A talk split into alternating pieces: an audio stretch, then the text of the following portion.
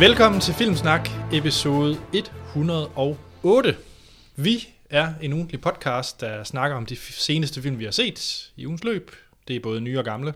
Mm. Troels, som regel er det faktisk gamle, du er ved at... Ja, det er jo blevet tvunget til nu, hvor at, øh, der er nogen, der mener, at jeg skal uddannes. Ja. Det har taget på mig. Ja.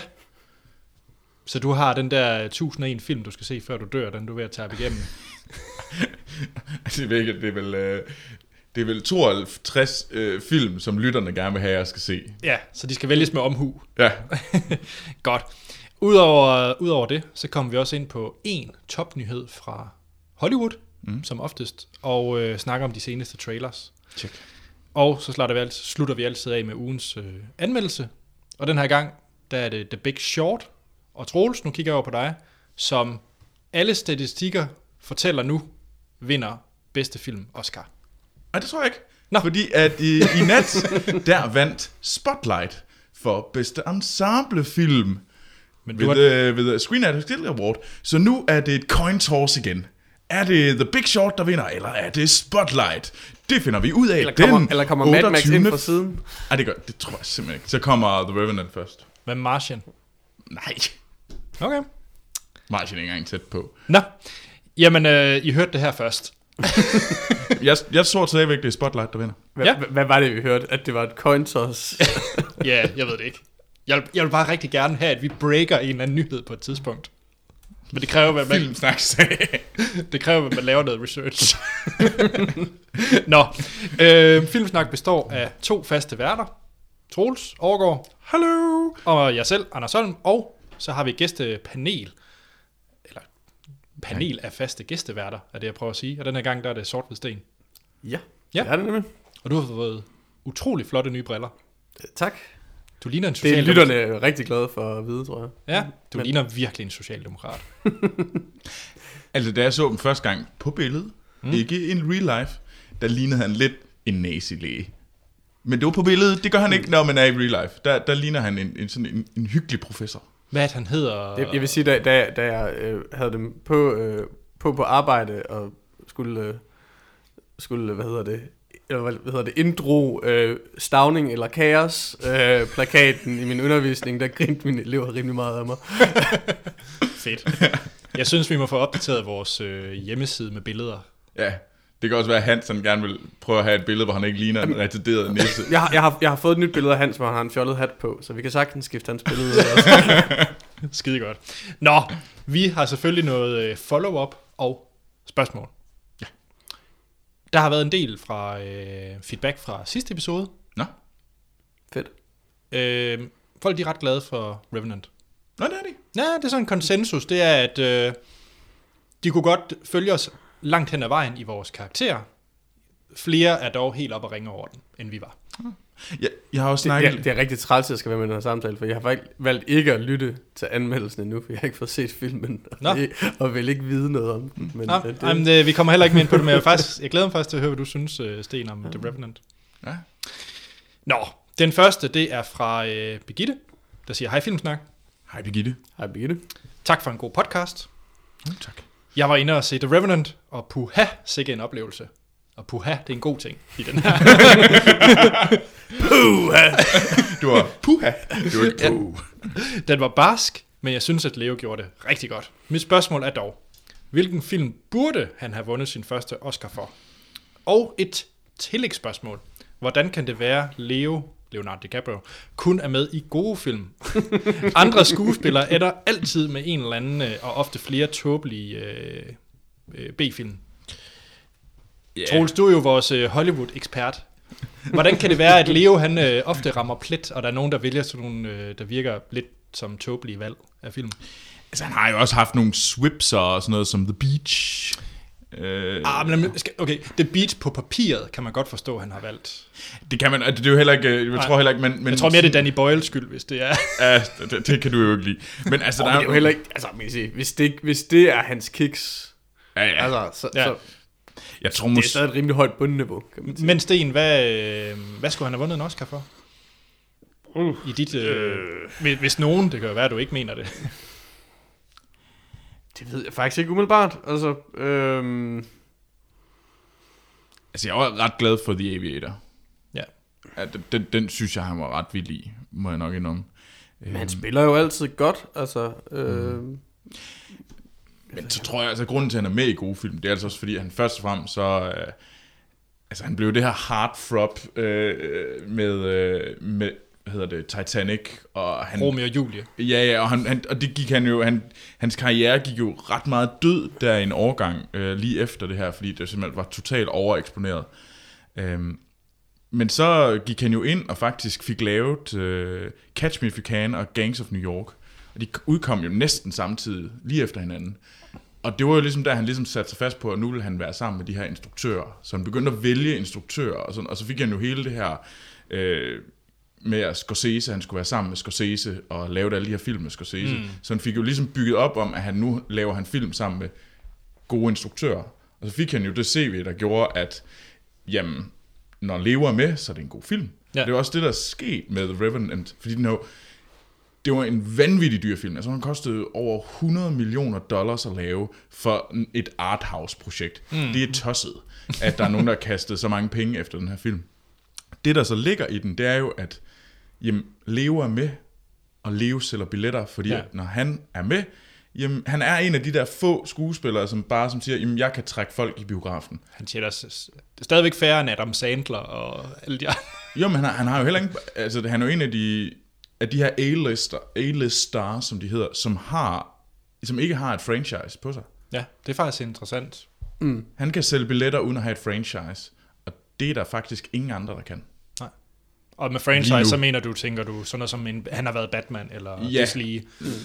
Ja. Det, er jo- det er jo ikke, han er jo ikke Jennifer Lawrence, der har to. Han, hun har, hvad hedder det, X-Men, og hun har, hvad hedder det, Hunger Games. Ja. Eller Downey Jr., som har, hvad hedder det, Iron Man.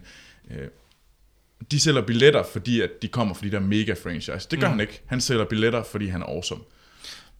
Vi skal videre til næste spørgsmål, men bare lige sådan en, en note, er det ikke også meget, men jeg synes, man har kunne se sådan en som McConaughey, da han begyndte at lave hans skift og sådan nogle ting. Mm. Der snakker man meget om det deres agenter, at de skifter agent, og så er det agenten, der pludselig også har meget magt over skuespillerne, og hvilke ting, der kommer.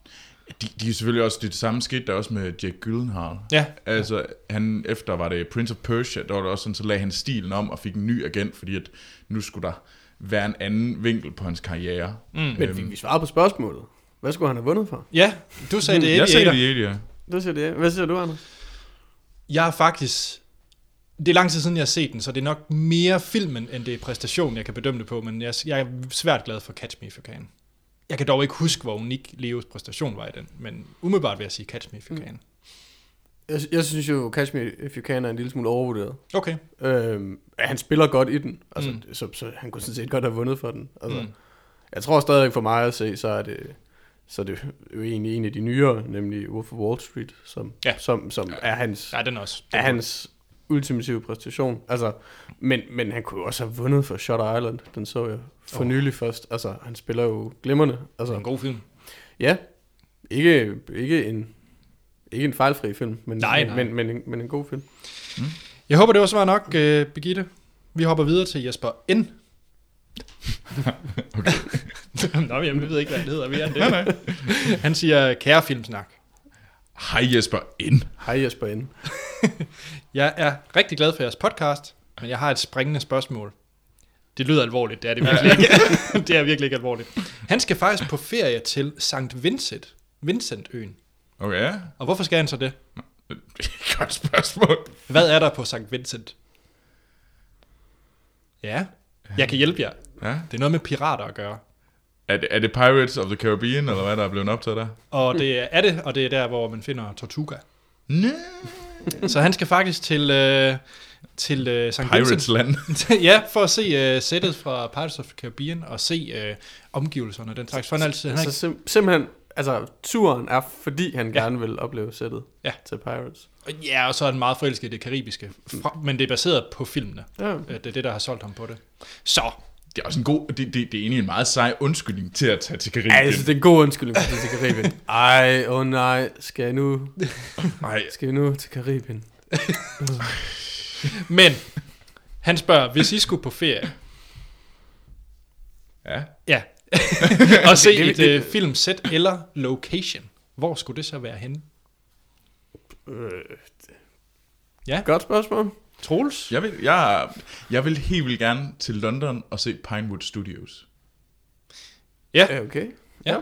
Det vil jeg, det er der Star Wars er optaget, alle alle Harry Potter filmene og sådan noget. Jeg vil fantastisk gerne ind og se Pinewood Studios. Ja, og det er jo, det er jo faktisk, det er jo doable, kan man sige. Ja, det er doable. Fordi der er sådan nogle busture, man kan tage på og komme ja. ud og se det, så, så det, det kan lade sig gøre. Jamen, det er også Jeg det. tror på dig, Troels. Du får set det. You can do it. Hvad med Ja. dig, Anders? Jamen, jeg, jeg skal jo faktisk til sommer, skal jeg jo se uh, Ewokland. Hvor, Øh, hvor, hvor, hvor findes Ewokland? Det findes nord for San Francisco. Nå. Ja, okay. i Muir Woods, som det hedder. Det er Endor. Øh, det er nu ikke derfor, vi skal derover. Øh, hvis jeg, min helt store drøm, det er uden tvivl øh, New Zealand og se rigtig meget for Ringes Herre.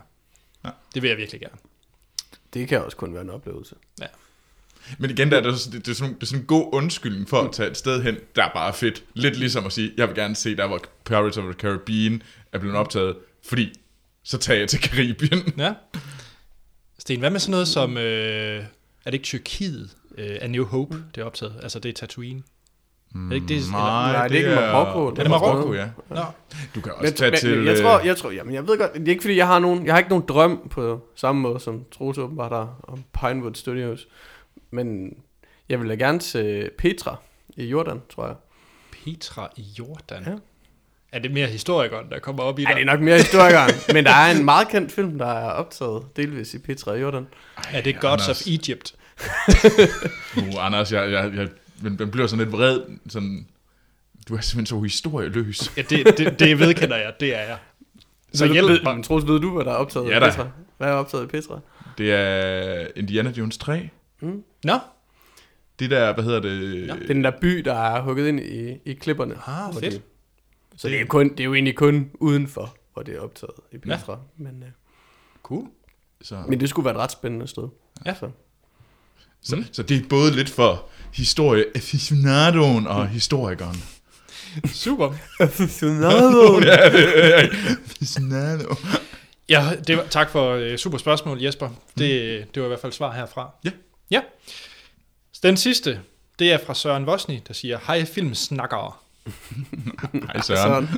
Hollywood har været ret glade for reboots og genindspilninger de sidste år. Ja. Ja. Og mange gange har andre instruktører været i spil til film, der sidenhen er gået hen og blevet klassikere. Så denne gang er det om, at denne versus om, hvem I helst så genindspille eller genfortolke en film. Ja. Okay. Hvis I ikke øh, vil bruge den som en officiel... Jamen, det vil vi gerne. bla, bla, bla. Søren, det er en officiel versus nu. Ja. øhm, så ja, vi skal simpelthen have øh, snak reboots. Så Søren mm. kommer med en øh, film, og så kommer han med to bud på instruktører, der skal reboote den her film. Nå, Ja. ja. sejt, sejt. Ja, ja, Ja. det, det er en god en, den her. Ja, det er sejt. Vi starter, der er øh, fire, vi skal igennem. Mm. Så, øh, og lytter, I kan tage den ind på vores hjemmeside. Vær med i den her lille leg, øh, når I hører det her. Reservoir Dogs. Tarantinos debutfilm. Ja. Er det en Woody Allen genindspilning? Eller øh, Hitchcock? Jeg gad godt se Woody Allen lave Reservoir Dogs. Det kunne der kun komme noget interessant ud af. Jamen også bare hvis, fordi... Men så skal Tarantino også lave Annie Hall bagefter. Men jeg kunne også godt se, at det var ret sejt at se Hitchcock. Det kunne være meget vildt. Men ja, men altså den, den helt klart sjoveste film vil være øh, Woody Allen. Woody. Allen. Ja, det må være Woody Allen. Ja, og så med Colin Firth og Disney. Og Emma Stone. Ja, uh, det bliver så godt. Ja. Super. Jeg, jeg må... Jeg kan også bedst forestille mig Woody Allen. Det må jeg altså indrømme. Ja, han det er også virkelig, virkelig svært at få Hitchcock til at instruere. Noget. Det kan man så også sige. Øhm, Ja. Star Wars. Så hvis vi nu leger Star... Jo, 8 og 9, de er, har fået instruktør. Ja. Mm. Så Star Wars episode 10. ja. Er det... Ja, nu siger han selvfølgelig, at det er en reboot. Ja, det, er, det, er vel, så, det, så er vel episode 4. Ja, det Ja, er det må faktisk det, en ja. reboot af New Hope, vi snakker her. Er det Roland Emmerich? Nej, Godt, for jeg, ved, jeg tror også, at det bliver bud nummer to, som er Alfonso Cuarón. Men det skal jo lige siges, at Force Awakens er jo et reboot. Ja, Mm. Så det er et reboot af rebootet. ja. Jamen helt sikkert, Alfonso Cuarón. Der er ingen love til Roland Emmerich. altså, Alfonso Cuarón. Hvornår, hvornår har Roland Emmerich sidst lavet noget godt? Jeg var faktisk overrasket over The Walk. Er det Ja. ham? Ja, er det ikke? Ah, Nej, undskyld, det er Robert Zemeckis. Hvorfor tænk? Roland Emmerich, det er ham, der er 2012, og ja. Ja, det er og katastrofe. ikke, men- og ikke mindst øh, klassikeren over dem alle, 10.000 BC. Uh. Puha. Nå, vi nærmer os, øh, så kommer vi ud i noget lidt mere klassiker, mm. som jeg tror, I to har en stærk holdning til. Psycho. Ja, Ja, Mm. som er blevet Ja, genlavet. den er jo blevet... ja med øh. Vin, øh, hvad hedder den, Vince Vaughn, er det ikke den hedder? Oh, det, Det er den, uh, Gus Van Sant, der har lavet... Øh, jeg kan ikke huske, om det er, der spiller hovedrollen. Men det, det er jo en frame-for-frame remake. Jeg tror, det er Vince Vaughn, er det ikke det, han hedder? Ham fra True Detective sæson 2. Jo. Men ja, men Nå. øh, Psycho. Psycho. Psycho. Mm. En reboot af den i Ja. 2016. Er det Tarantino, der står for det? Nej, Eller er det David Lynch? 100% David Ja, Lynch. klart, klart David Lynch. Det bliver rimelig syret. Det bliver mega fedt. Godt. Altså, det er, det, er jo- det er jo selvfølgelig det nemme svar, kan man sige. Altså, også fordi den stilmæssigt passer jo. Ah, Mere til han- kunne altså også Ja. lave en vild en, tror jeg. Nej, fordi det vil være sådan noget splatterlort. Altså, en, Ja, så, så når kommer den der scene der, i, i, i, så bliver det kørt op, så det, i, og så står det sådan, når du hugger ned, så kan du se blodet, der splatter ud. Det er ikke noget med øjet, der zoomes ind på. Nej, nej, det er sådan ind i øjet, kører rundt i øjet og ud igen, og så øjet, der følger med rundt. Og, altså, Hvad Tarantino skulle, skal øh, holde sig fra ting. men hvis nu det var Tarantino, hvad skulle øh, Samuel L. Jackson spille? altså Samuel, Ek- Samuel L. Jackson, i dag, der klæder sig ud som, en, som sin mor, på en eller anden måde er meget sejt. Godt. Den aller sidste øh, Søren, han har til os, det er øh, en aktuel film, på en eller anden måde. Øh, der er i hvert fald snak om reboot. Det er Alien. hmm? Ja. Er det Stanley Kubrick? ja. Eller Michael Bay? Det er nogle, nogle, nogle, nogle vilde, vilde valgmuligheder. Altså, jeg, vil, altså, jeg ved godt, at det er forkert, men jeg kunne altså godt tænke mig at se Michael Bay gøre det. Jamen, jeg tror faktisk også, det er, jo et, det er jo et område, Michael Bay, han tydeligvis har en kærlighed for. Han kan jo mm. godt lide sådan noget space og rum ja. og... Men, men det er også mere sådan, man vil jo gerne se det der sådan car crash, der sker, når, ah. når Michael Bay laver Alien. Så jeg har bare lyst til at se det her mega flop, hvordan det bare fejler 100%, og bare sidde og kigge på det og grine min røv. Altså, jeg tror også, at hvis, hvis, hvis, altså, hvis vi skulle hive Stanley Kubrick op af jorden, så, så vil jeg hellere have, at, at vi gav ham uh, AI tilbage ud af, ud af Steven Spielbergs klamme hænder, altså, så, så, så, så, så det kunne være blevet til en ordentlig film. Men oh, ja. AI, den burde jeg faktisk gense, for jeg husker den ret god, men jeg er også ret sikker på, at jeg den, tager fejl. den, den, den, er, den er okay indtil sådan, altså til og med den første slutning, og så fortsætter den sådan tre Okay. kvarter ekstra. Øhm, Nå, men jeg den tror- film bliver aldrig færdig. Godt, det var det fra, øh, fra Søren. I kan som sagt tage den inde på vores øh, hjemmeside. Og øh, Mm. I kan God finde versus. os. Ja, Ja, det var fedt. I kan finde os og sige, skrive spørgsmål, kommentarer, hvis I er enige, uenige. Alt må I skrive til os. I må jo gerne skille os ud. Gerne. Og det kan I gøre ind på vores Facebook og Twitter, Mm. mm. hvor vi kan findes under Filmsnak. Så kan vi også øh, findes på vores e-mailadresse, som er podcast filmsnak.dk. Hjemmesiden hedder filmsnak.dk, hvor I kan tage den her versus og vælge, hvilken film Troels han skal se til næste episode. Og den sidste, hvad er det, jeg altid glemmer? iTunes, er det ikke? Jo. Jo, Ja. iTunes må I endelig hoppe ind og give os en god øh, anmeldelse og nogle stjerner. Det vil jeg være forfærdelig glad for, hvis I vil. Ja, fordi så kommer vi nemlig til at ligge inde på forsider og sådan noget, så der er flere lyttere. Og, Så, så, så er vi lettere at finde. og så for at være ærlig, så hjælper det også på vores ego. Og ja, Anders' ego er stort, så det skal fordi, fordi, pusses fordi vi har brug for at forbedre Anders' ego. Ja. For som Anders' ego, det er sådan en, det er sådan en ting, man puster op, sådan langsomt siver den ud, så sådan lidt ligesom en luftmadras, der sådan efter et døgn, sådan er sådan lidt flad, sådan lidt sådan wobbly og sådan lidt træls at Ja. ligge på. Så skal man så puste den op, og så er Anders glad igen. Ja, og, og lige nu er jeg meget glad. Så øh, lad, lad os hoppe videre til øh, set siden sidst. Lad os endelig gøre det. Ja. Troels, Ja. du har jo haft lektier for igen. Ja. Og det var jo Sunset Boulevard versus The Graduate. The Graduate. Og Sten, du havde set tallene. Øh, ja, jamen det endte med en forholdsvis komfortabel sejr til, øh, hvad hedder det, Sunset Boulevard, som Ja. fik 57% af stemmerne. Så Troels, du, Troels, du har vel set den? Ja. gode grunde 43 til Graduate. Jamen, jeg har set uh, Sunset Boulevard. Ja. Øhm, en lille side note i forhold til, at uh, der har været nogen, der har bestemt. Hvis der var, hvis, hvis der var nogen, der ønskede, at, uh, at min uddannelse stod mellem uh, Troy eller Waterworld, så ville jeg så også gerne lige sige, at så skulle jeg se Troy. Fordi at, uh, hey ho for Team Troy, Vi foran. apropos ingenting, så fører Team Troy. Eller wow. Ja, jeg havde lige Wow. lyst til at nævne det. Ja, nej. Jeg har været øh, på uddannelse endnu en gang, og jeg har set Sunset Boulevard, klassikeren fra 1950, øh, er lavet af Billy Wilder, og William Holden og Gloria Swanson i hovedrollen. Øhm, birollen er Erik, Erik von Stroheim, som jeg er sikker på, at Sten kan fortælle meget mere om lige nu. Sten kunne faktisk godt hedde det navn lige nu. Ja, øh, det, det ved jeg ikke, hvad jeg skal sige til det. Er min storebror, der er Eriken i familien. Jeg ved det ikke vel. Men øh, den her film handler om øh, en øh, manuskriptforfatter i Hollywood, der har svært ved at få inderne til at mødes. Og jamen, han, der er nogen, der, der vil til at tage hans bil, som han har belånt til op over begge ører, og han kan ikke få det til at hænge sammen, og prøve at finde et job som manuskriptforfatter. Og så ved en tilfældighed kører han ind, i, ind på det her store palæ i, øh, på Sunset Boulevard. Øhm, Altså køre ind i. nej, han kører ind, øh, øh, ikke ind i selve ind i det her store Ind i indkørslen, Men og ind op, op mod ja. huset. Okay, jeg, jeg fornemmer Øhm. lidt mere action op i mit hoved lige det, var, der. det var der ikke. Øhm, og det her store øh, hus, der bor den her gamle, øh, eller den her dame, som er skuespiller, som er fra, hvad hedder det, silent movie-perioden, og som så er ligesom faldet i agtel, så der er ingen, der kender hende længere, men hun er kæmpestor stjerne, der er i, under silent øh, filmene. Stumfilm. Stumfilm, det var det, jeg har fuldstændig glemt. Stumfilmsperioden.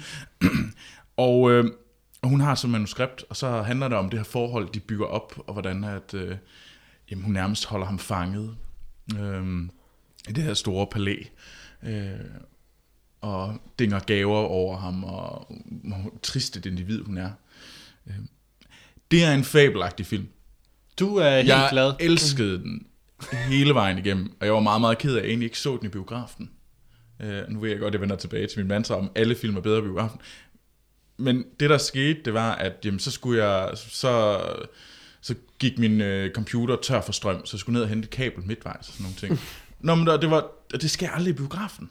Og det er det der med, at jeg var bare så fanget af den, og der var bare nogle ting, der ligesom gjorde, at jeg blev slæbt ud af filmen. Men det var ikke filmens skyld. Det var overhovedet ikke filmens skyld, fordi jeg var øh, skyndt løb tilbage igen. Men det var bare lige de der ting der. Så derfor tænkte jeg, fuck, hvor ville det have været en fed oplevelse i biografen. Fordi der har jeg bare været 100% tuned på den her film. Og jeg, der har ikke været noget forstyrrelser. Men det er en vild film. Øh, jeg, jeg er lidt i tvivl om, den er bedre end Double Indemnity. Øhm, Det er jo to fabelagtige film. Ja, det er det nemlig, og øhm, altså jeg vil, altså jeg vil, jeg tror PT er det nok øh, Double Indemnity, øh, som jeg ligger højere, men begge to er femstjernede film. Øh, det er også en Billy Wilder film, og den er fra 44. Og den danske titel er... Øh, Kvinden uden samvittighed. uh. øhm, men altså, og de er jo begge to noir-film. Ja. Øhm, så hvis man, jeg synes, de her to film, hvis man godt kan lide noir, og så burde man se de her to film. Men, du kunne, men øh, hvordan var det med dit Hollywood-hjerte at se noget som Sunset Boulevard? Det må også have været et ekstra lille peak. Ja, det gjorde, det var, det, det var da fedt, at det handlede om Hollywood, og det handler om de her sådan, om, om the business, om at komme frem, og hvordan de egentlig øh, brugte hinanden, og den her stjerne, der forfalder, og folk, der ligesom øh, sådan, går med ja, listesko rundt om hende, men der er ingen, der tager hende alvorligt længere, og sådan noget, og hvor trist det egentlig er for hende. Altså, det er jo den, det er jo den, jamen det er en film noir, men det er jo også bare den, det er jo den ultimative sådan meta, Hollywood meta-film, ikke? Altså, mm. for, fordi den handler så meget om, om the, om the business, ikke? Ja. Altså, det er, virkelig, det er virkelig Hollywood, der taler om sig selv på den rigtig, rigtig gode måde. Ja. Så en stor anbefaling af... Stor anbefaling. Jamen Troels, Jeg glæder mig til, hvad jeg skal se næste gang. Jamen, det lige så godt. ja, og øh, vi har også fået nogle kandidater ind. Uh. Og Troels, jeg synes, du gør det rigtig flot. Jeg har faktisk ikke troet, at du skulle holde så mange uger, og mange, der mener jeg tre, fordi det er... det, havde jeg ikke, det havde jeg ikke forventet af dig. Men jeg, jeg, jeg er stolt. Tak, Anders. Men Kasper, en af vores faste lyttere, Mm. han har en film, han mener, du skal se. Okay, ja. Den er fra øh, 1974, og med Jack Nicholson i hovedrollen. Mm. Det er Chinatown. Ah. Er det egentlig ikke også en noir-film? Og det er sådan, det, det, eller neo-noir, Ja. vil man jo så nok kalde den på, den er, Mm. mm. den er, er så sen. Men jo, den, den, den, den spiller rigtig meget på, på den klassiske film noir.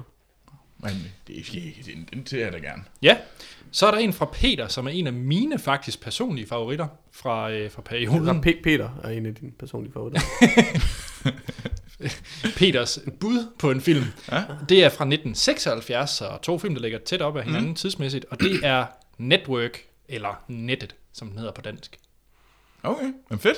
Ja. Jamen, øh, det glæder mig til at det finde er i hvert fald to klassikere, må man sige. Ja. Ja, Jamen, øh, det er. Sten af nysgerrighed, hvad vil du, øh, har du en favorit af de to? Mm, det, er, det er to gode film. Jeg er egentlig ikke, jeg er ikke super fan af nogen af dem, faktisk. Nej. Øh, men, men, men det er to rigtig, rigtig gode film. Altså Ja. det er sådan... Ej, jeg vil sige, i, i, i, i, fil- på filmsnak-skalaen er det selvfølgelig fem stjerner, men på, på, på min letterbox-skala, så de, tror jeg, jeg har givet dem begge fire. Ja. Øhm, ja, jeg, ej, jeg synes, du skal se, øh, du skal se Chinatown. Og jeg siger Nettet. Så da, vi må hellere lade lytterne øh, Ja. afgøre det. Jamen, jeg, jeg ser frem til at finde ud af, hvad jeg skal Men altså, The- The Network er jo en, at jeg mener, at, at manuskriptet til, til The Network er blevet kåret til, til det bedste manuskript nogensinde, eller sådan noget lignende af, af, af screenwriter. Okay. Eller sådan i, Spændende. i en eller anden afstemning. I hvert fald er det en af, et af budene Okay. på den. Og så er William Holden med igen. Ja, og så er du klar. Nå, vi skal videre i set siden sidst. Sten, Ja. har du set noget fra 70? For at blive... Øh... Øh, nej, i hvert fald ikke noget, jeg skal snakke om. Nej. Hvad har du så taget med?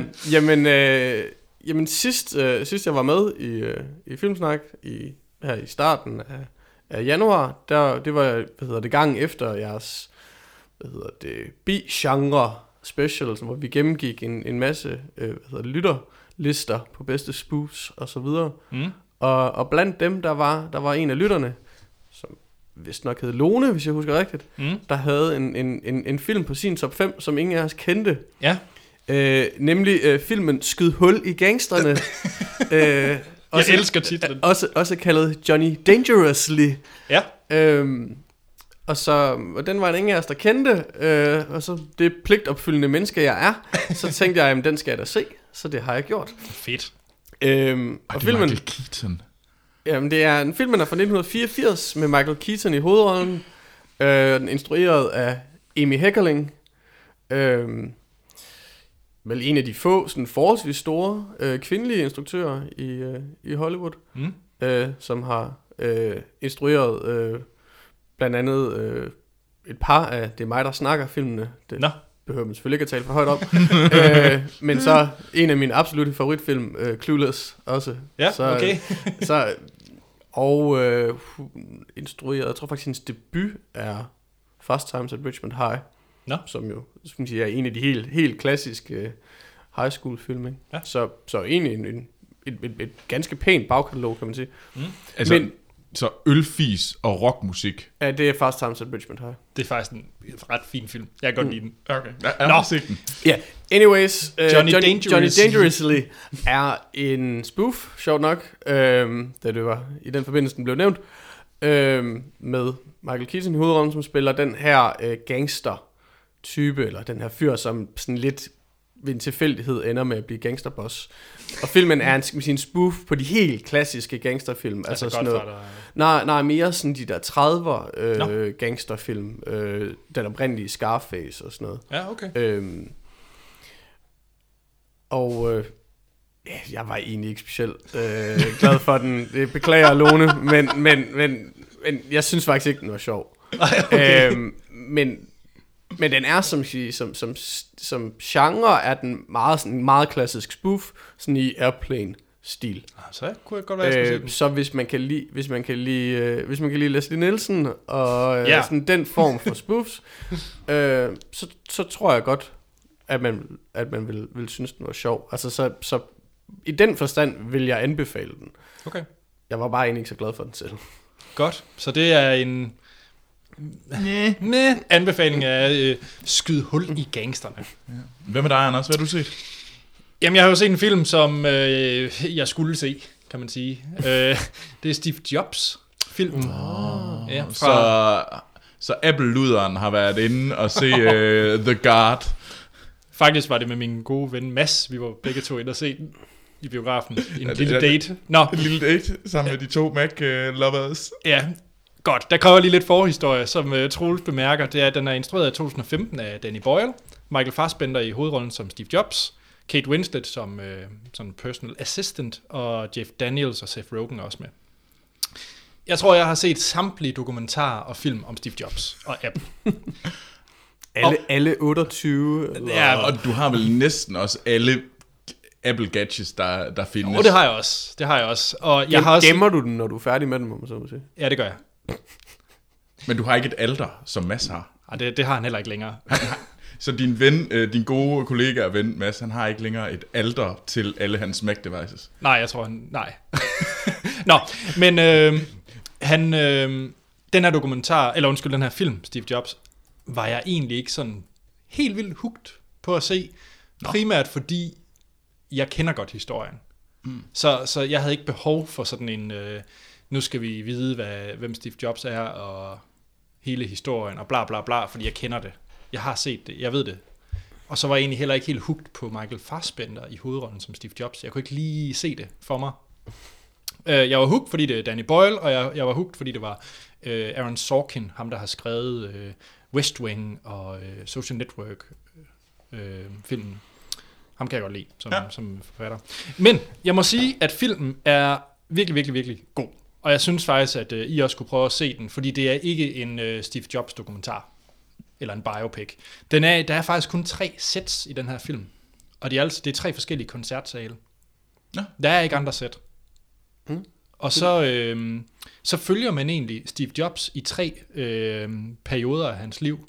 Og det er den første øh, omdrejningspunkt, det er, hvor han skal lancere den første Mac, Macintosh computer, hvor man så ser ham rende rundt og snakke med en masse mennesker, inden han faktisk skal frem, stå frem på scenen og præsentere den.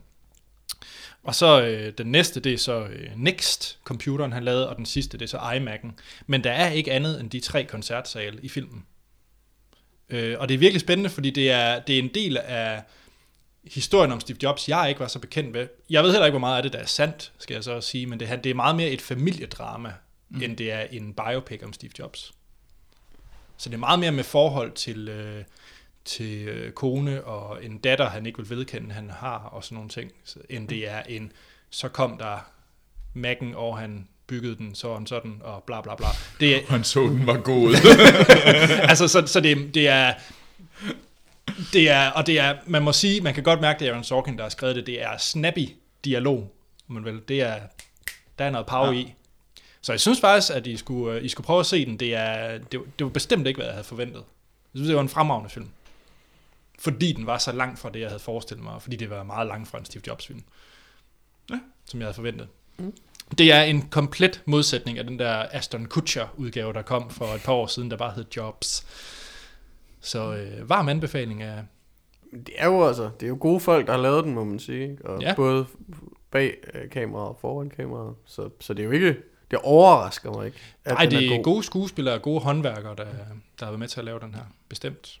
Altså, jeg er også blevet mere og mere hooked på den, jo flere trailere der er kommet, fordi at jeg troede virkelig, det var sådan et eller andet. Nu, øh, nu kommer, nu stiger Gud ned, og vi skal sådan, Ja. vi hylder ham. Og jo flere trailere der kom frem, jo mere har man fået for den fornemmelse af, at det var nemlig sådan en familiedrama. Det Ja. ja. var om, om den her mand, der på mange måder er enormt flawed. Bestemt, bestemt. Så det er på ingen måde en forhelligelse af Steve Jobs, mm. den her film. langt fra. Jamen, jeg vil faktisk også virkelig gerne se den. Ja. Det, det, det skal jeg vel også, så jeg kan, hvad hedder det? Jamen, jeg kunne godt tænke mig at høre jer, som, som ikke er øh, fanatikere omkring øh, Apple og Steve Jobs, vil jeg virkelig gerne høre, hvad I synes om den. Og, og så lige afslutningsvis. Farsbender gør det rigtig godt, og jeg glemte hurtigt, det var ham. Ja. Øh, og, men jeg har ikke set Carol og de andre, men for mig, der synes jeg, Kate Winslet, øh, hun kunne godt få en Oscar i min bog for, Ja. ja. øh, for hendes øh, præstation i Steve Jobs. Jeg synes virkelig, hun gør det godt. Nå. Den er jo også god. Ja, det er hun. Troels, Yes. Jeg er faldet i kostymedramaet. vi burde have sådan en buzzer, vi kan trykke på, sådan alarm, alarm, alarm. Eller sådan, sådan et stød. ja, så jeg får sådan en strøm hver gang, jeg ser et uh, kjole. jeg skal bare lige vide, er det med Keira Knightley? Nej, det er det ikke. Godt, så kan jeg godt blive siddende. Det er, hvad hedder det, tv-serien Wolfhall. Så en ny tv-serie fra, øh, jamen, jeg tror den er fra BBC. Jo, den er fra BBC 2. Øhm, og det handler om, øh, man følger øh, Thomas Cromwell, øh, som var, øh, og øh, Henry the 8th, ham der slog hans koner og skilte og alt sådan noget i det engelske kongerige. Du er helt fra den. Jeg er helt blank. Altså, ken- kender du engang Henrik den 8., og hvordan han slog hans... Han blev skilt, og han slog to af hans koner ihjel. Du har Og, ikke set The Other Berlin Girl. Nej.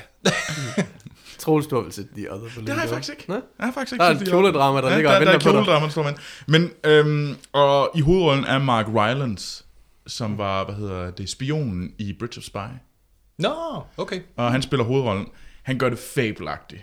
Er det, er det en ny tv-serie? Det er en helt ny tv-serie. Den er virkelig, virkelig god. Den, den minder meget om, øh, hvis man har set The Tudors, så er det her bare den bedre udgave. Den er meget mere stram. Den handler om, ikke om Henrik den 8. Det handler om folkene uden, rundt omkring Henrik den 8. Øhm, og det, den, er, den er virkelig, virkelig fed. Altså, han, han, handler The Tudors ikke om Henrik den 8. I øvrigt. Altså i forhold til, Anders skal vide, hvem Henrik den 8. er.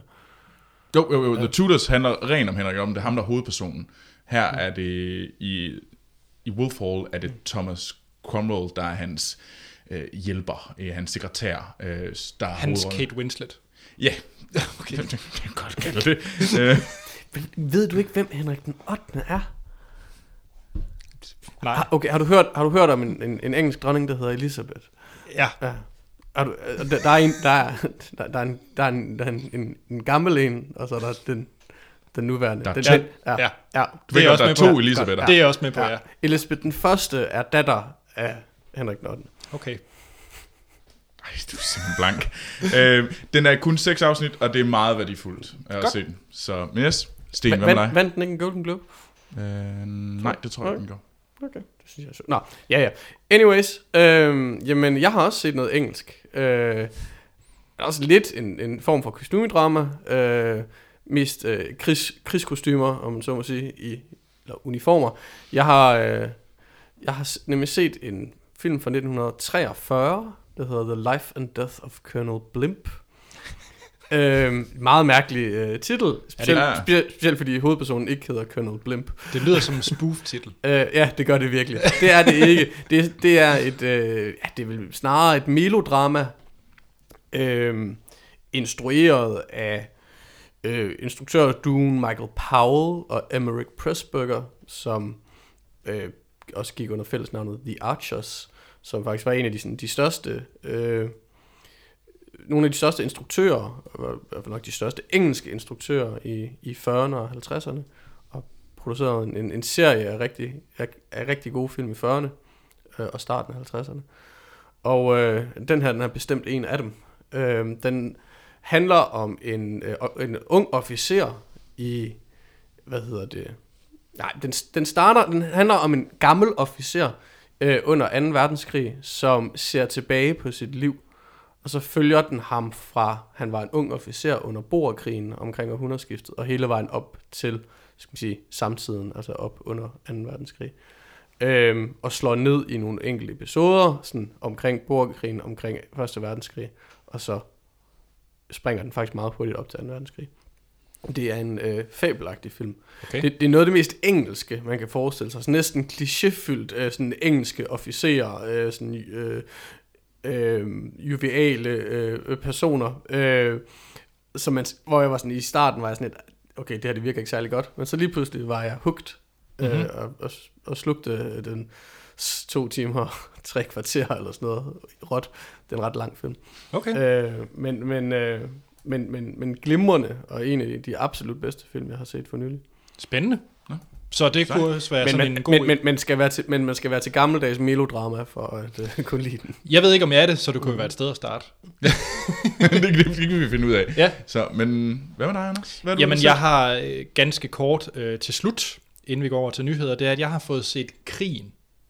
Den Ja. Oscar-nominerede øh, Ja, film. jo. Så du forbereder dig? Så du har også set kostymedrama?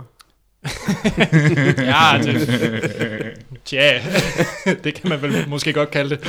Den er fra øh, ja, sidste år øh, af Tobias øh, Lindholm, og som sagt nomineret til bedste øh, udenlandske film øh, i Oscarshowet, som vi finder ud af i slut af den her måned, om ja. de vinder for. Det er med Pilo øh, Asbæk, øh, Søren Malling, Tuva Novoltny, Ja og øh, den handler om det handler om Claus Pedersen, som er dansk officer i Afghanistan, nede i Helmland. Og øh, men den er sådan delt op i to, så der er den her, øh, som, og det er så Pilo Aspekter, der spiller Claus. Og han har en gruppe, øh, en deling dernede. Så det handler om det, der foregår nede i Afghanistan, de ting, de kommer igennem. Og så kunne man næsten sige, selvfølgelig handler det så også om hans familie derhjemme med tre børn og konen, der skal klare sig uden øh, faren og den slags ting den del af filmen brød jeg mig faktisk ikke så meget om. Det var meget, jeg synes faktisk, det var en lille smule klichéfyldt, og noget, mm. jeg havde set før. Men så skifter filmen øh, tema, eller sådan, skal man sige, genre næsten, øh, i anden halvdel. Der sker nogle ting i Afghanistan, der gør, at øh, Claus, øh, officeren, bliver sendt hjem, og så udvikler filmen sig til at blive et øh, jo sådan juridisk øh, drama, sådan Courtroom drama. sådan courtroom drama, ja, med Søren Malling som advokat, og jeg elsker Søren Malling. Og Søren Malling er ekstra sej som advokat. Så, så jeg vil sige, jeg var sådan lidt, øh, den ender nok med sådan en middelkarakter af krigen, men det er fordi, jeg brød mig faktisk ikke om den første del, hvor de var i Afghanistan. Jeg synes, Nej. det var meget mere spændende øh, efterspillet, der, der foregik i det her øh, courtroom drama. Mm. øh, synes jeg var langt mere interessant. Så, så jeg synes, det er en spændende film. Øh, den vinder nok ikke bedste udenlandske film. Det tror jeg heller ikke, men den, jeg har jo Bare sagt... under alle de andre, du har set, eller hvad? Øh, det er faktisk udelukkende baseret på traileren til Son of Saul. Så virker Son of Saul til at være lidt mere... Ah, Der er lidt mere umf. ja, det er min umiddelbare vurdering. Troels, apropos umf, så skal vi til øh, dit segment. Ja. Er der umf i det? Og vi skal snakke Sundance. Jamen, så er der Masser af umf. masser af umf fra Hollywood med Troels Overgaard.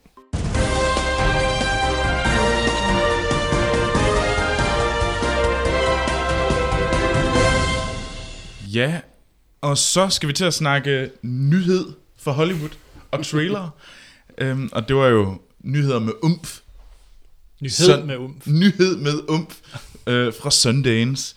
Sundance er jo den her øh, Robert Redford øh, skabte filmfestival i, hvad hedder det, Utah.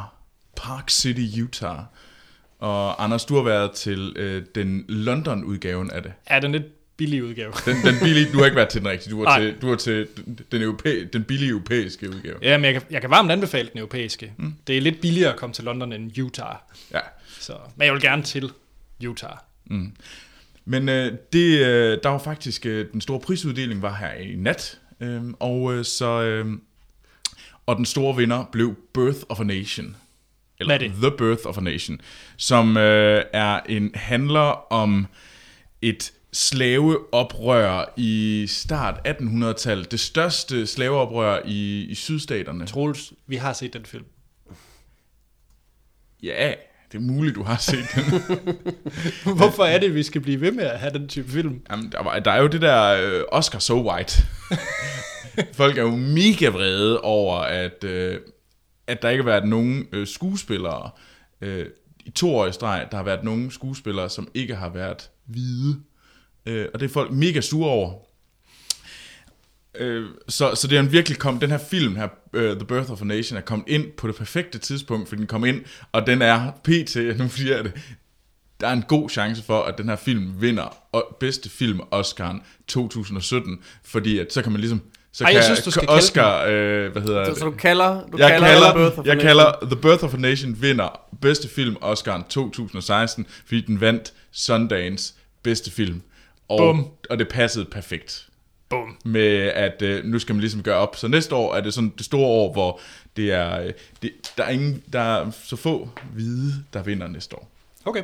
Så, øh, men øh, jeg vil så også gerne øh, prøve at kalde en anden en. Ja, Øh, det er, at øh, Casey Affleck nok bliver Uh. Oscar nomineret næste år. og han vinder. Som hvad? Øh, Det er ligegyldigt, det er Casey Affleck. Det, Manchester by the Sea. Okay. Øhm, og det er simpelthen, øh, den får fantastisk meget ros, og han får især meget ros for den her, og det er en film af Kenneth Lonergan. Øhm, Jeg kan virkelig godt lide Casey Affleck. Ja. Det må jeg sige. og det er, handler om en, en onkel, der bliver tvunget til at tage vare på en øh, hans teenage nevø, øh, efter faren til ham her nevøen dør. Spændende. Øhm, Det lyder som sådan en rigtig Sundance-film. Ja, og den får helt vildt meget ros, og øh, så det er virkelig, øh, altså det er virkelig noget. At det, han har, øh, Kenneth Lonergan har lavet Margaret tidligere, Mm-hmm. og så har han blandt andet skrevet øh, Analyze This og Gangs of New York og sådan noget. Analyze this. Så det er måske sådan lidt Gangs of New York. Ja. Øh, Men, øh, en blanding. Men en anden film, der også øh, har været meget snak, det er Goat, som handler om sådan frat, fraternity, øh, initieringer og sådan noget, og hvordan at det går galt og sådan noget. Så det er ikke en komedie. Det er ikke en komedie, tror jeg. Okay, Nej. spændende. En, noget mere komedie, så tror jeg, vi skal over i Captain Fantastic med Viggo Mortensen. Som han, og han har også fået... Jeg troede, han var gået på pension. Nej, nej, nej. Men øh, han, øh, og han spiller den her totale hippie-far, der ligesom har opfostret øh, hans børn øh, ude i the wilderness, og, men så går konen selvmord, og så tager han så tilbage til civilisation med alle hans børn, og så skal de ligesom falde til. Øhm, Wow, det lyder slet ikke som noget med Viggo Mortensen i hovedrollen. nej, nej, nej. Nå, men, øhm, spændende.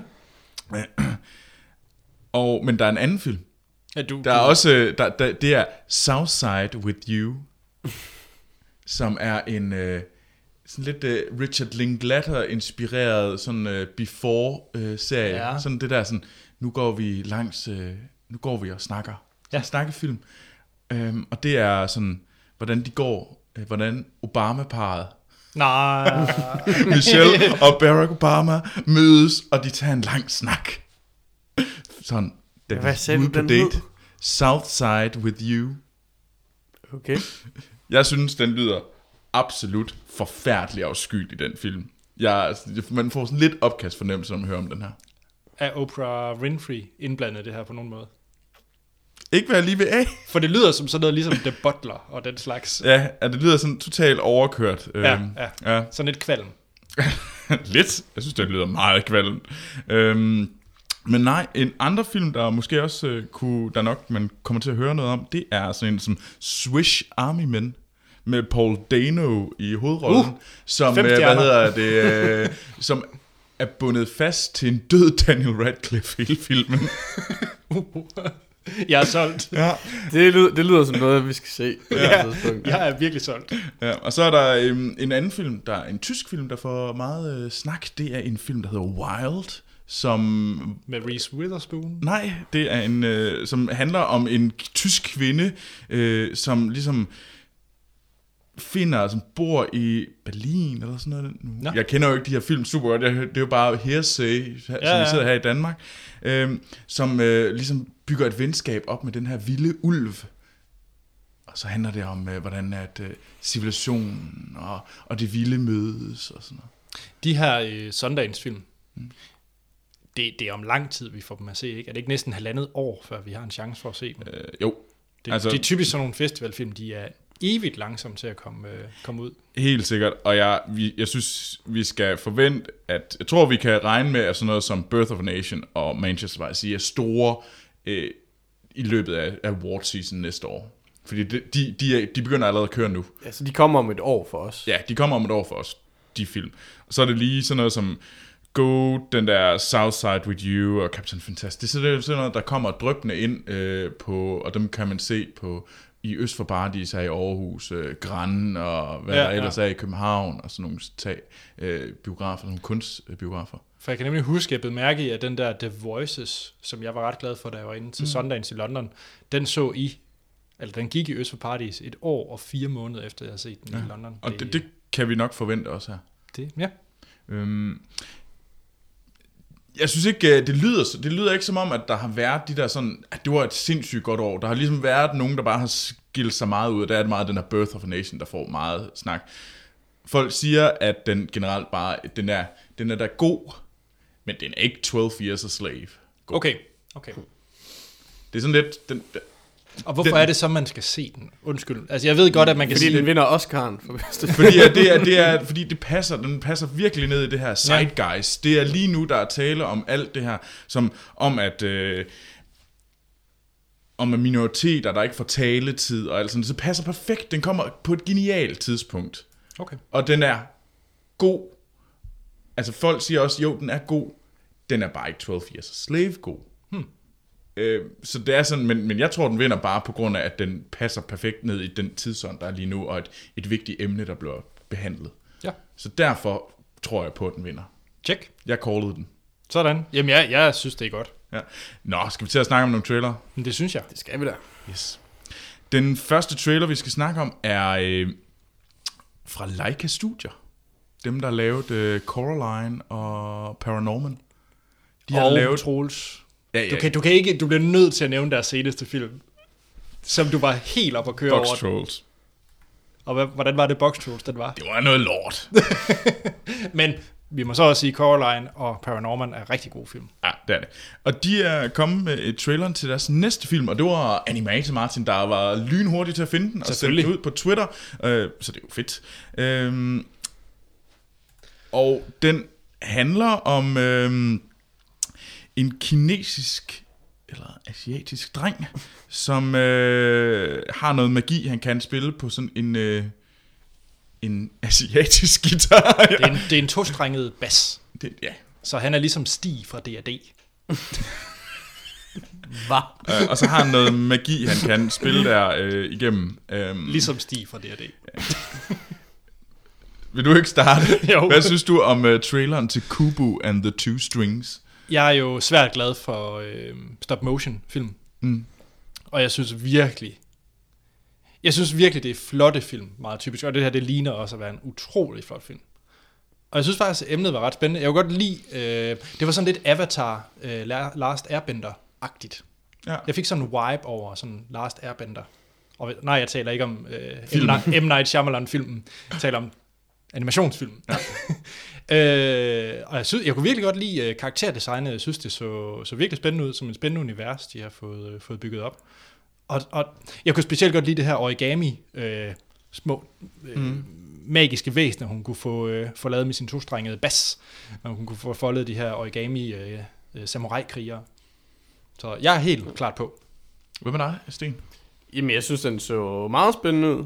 Øh, altså, æstetikken øh, i den, og, altså, og det var jo svært at lidt at finde ud af, hvad det var for en historie, men, men, men det, det ligner noget, der har potentialet til at være rigtig, rigtig fedt. Ja. Ja. Det ligner også lidt noget, der måske kan, kan kollapse, fordi de har slået et for stort brød op på en eller anden måde. Så, men, men, men det kunne godt gå hen og blive rigtig, rigtig spændende. Ja, altså jeg må så også sige, at jeg var jo også solgt på traileren til Box Trolls. Mm. Altså, Ja. Så jeg forholder mig skeptisk. Ja, det gør jeg også lidt. Og jeg har set Paranorman igen. Ja, det må jeg altså ikke solgt på igen.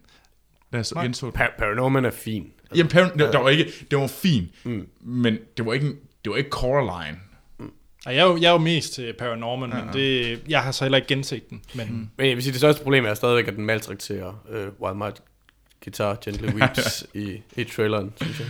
Ja, det, det, det, du, det kunne jeg godt forestille mig. Og Jeg er også solgt. Jeg glæder mig til at se det, men jeg er skeptisk. du, du har fået Der er en slået læge- en lille, ja. lille flænge i dit hjerte, Ja. baseret på Box Trolls. Det var der. Ja. ja. Den næste trailer, vi skal, der er kommet ind, det er faktisk en Sundance-film øh, 2015, Okay, ja. ja. som øh, var, der var, der var der talt en del om. The Bronze, altså som bronze. Ja. Ja. Ikke The Bronx fra, hvad hedder det, Som man kalder Holstebro i Vestjylland. fordi Holstebro er mega street, eller hvad? Simpelthen. Okay. Men det er det ikke en film om Jeg troede, det Holstebro. hed Holster Bronx. Men... øhm, og det her, det følger øh, en, øh, en kvinde, øh, som er en tidligere øh, gymnast, som vandt øh, bronze øh, under OL. Øhm, og hun er noget af det, hun har en meget grim mund. Ikke, ikke sådan, det der kommer ud af, af hendes mund er meget grimt. Hun har ikke en grim mund. Men, øh, og hun er sådan lokal celebrity, men hun er også bare total forfald, altså en virkelig forfald, hvordan hun overhovedet ikke magter noget efterfølgende og sådan noget. Øh, og hvordan hun så ligesom skal tage sig sammen og lære en ny gymnast om at ligesom at blive god. Øh, Sten, hvad synes Ja. du om The Bronze? Det så tavligt ud. Det ser tavligt ud. Ja, okay.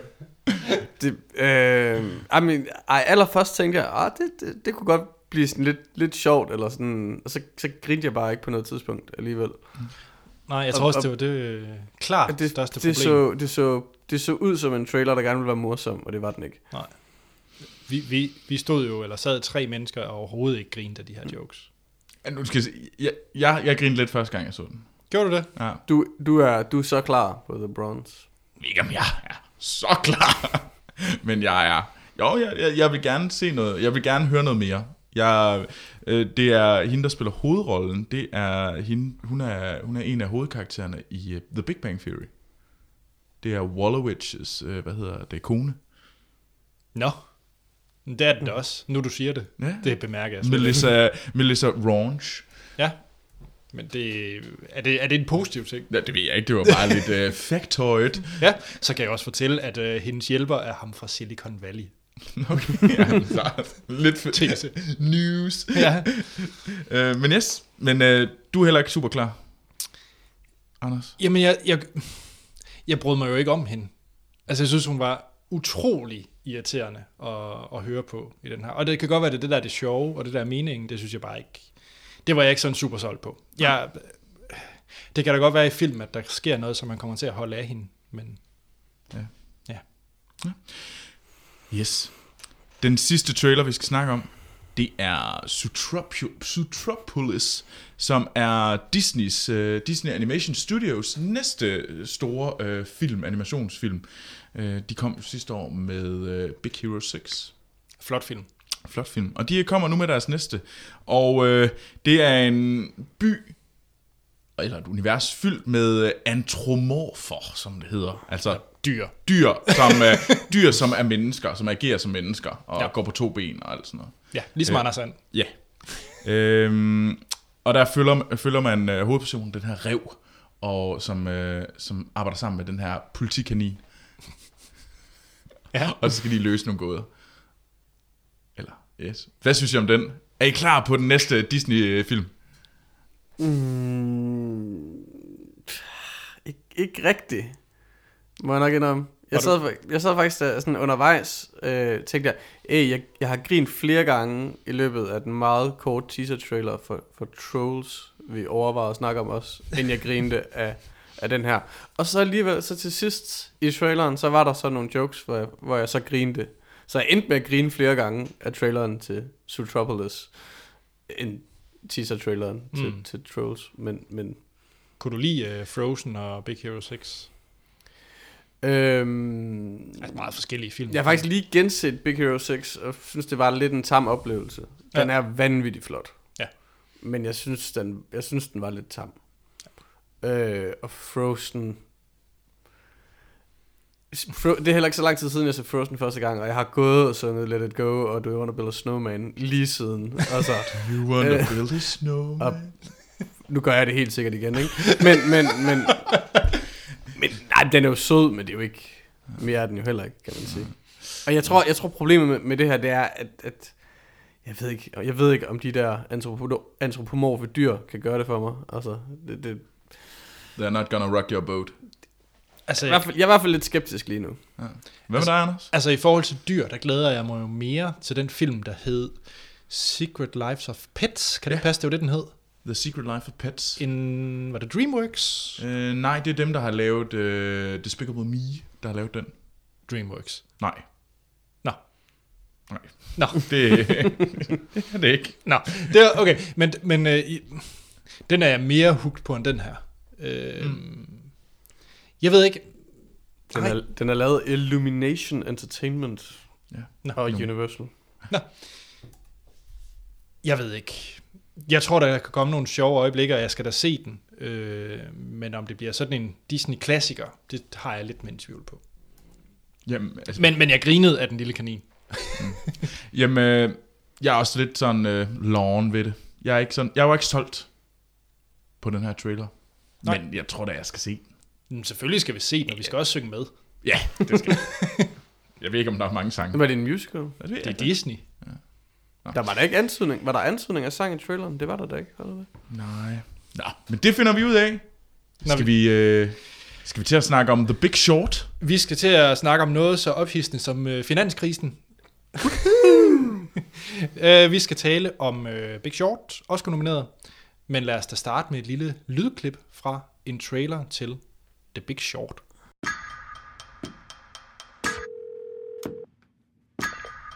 Michael, how are you? I found something really interesting. The whole housing market is propped up on these bad loans. They will fail. The housing market is rock solid. It's a time bomb. So Mike Burry, who gets his hair cut at Supercuts and doesn't wear shoes, knows more than Alan Greenspan. Dr. Mike Burry, yes, he does.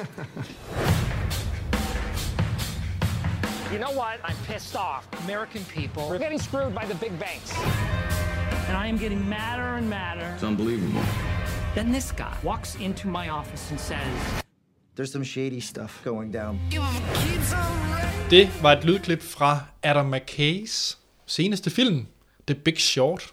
Hvem skulle have troet, at manden bag Anchorman-filmene skal blive Oscar-nominerende?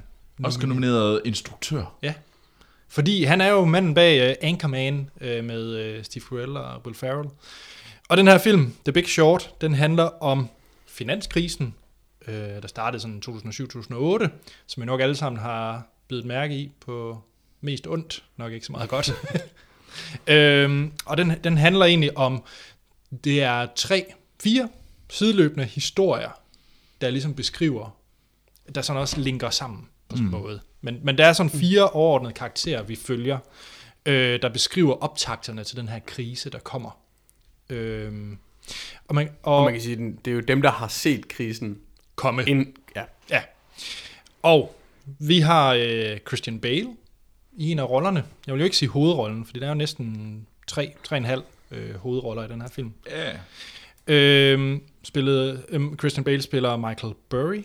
Så har vi Steve Carell, der spiller Mark, spiller Mark Baum. Øh, lad os lige sige, Christian Bale, han er, hvad er han, sådan en manager, for, sådan chef, øh, investor, Ja, for sådan en hedge fund eller et eller andet. Sådan en investeringsforening. Ja, der er han sådan en, øh, en der ligesom kan, kan lave kaldene og sige, ja. Det er det her, vi investerer mm. i.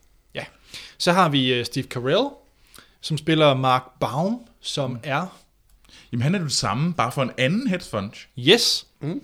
Så har vi Ryan Gosling, der spiller Jared Vennett, som er, Jamen han er jo en bankmand, der ligesom prøver også at, hvad hedder det?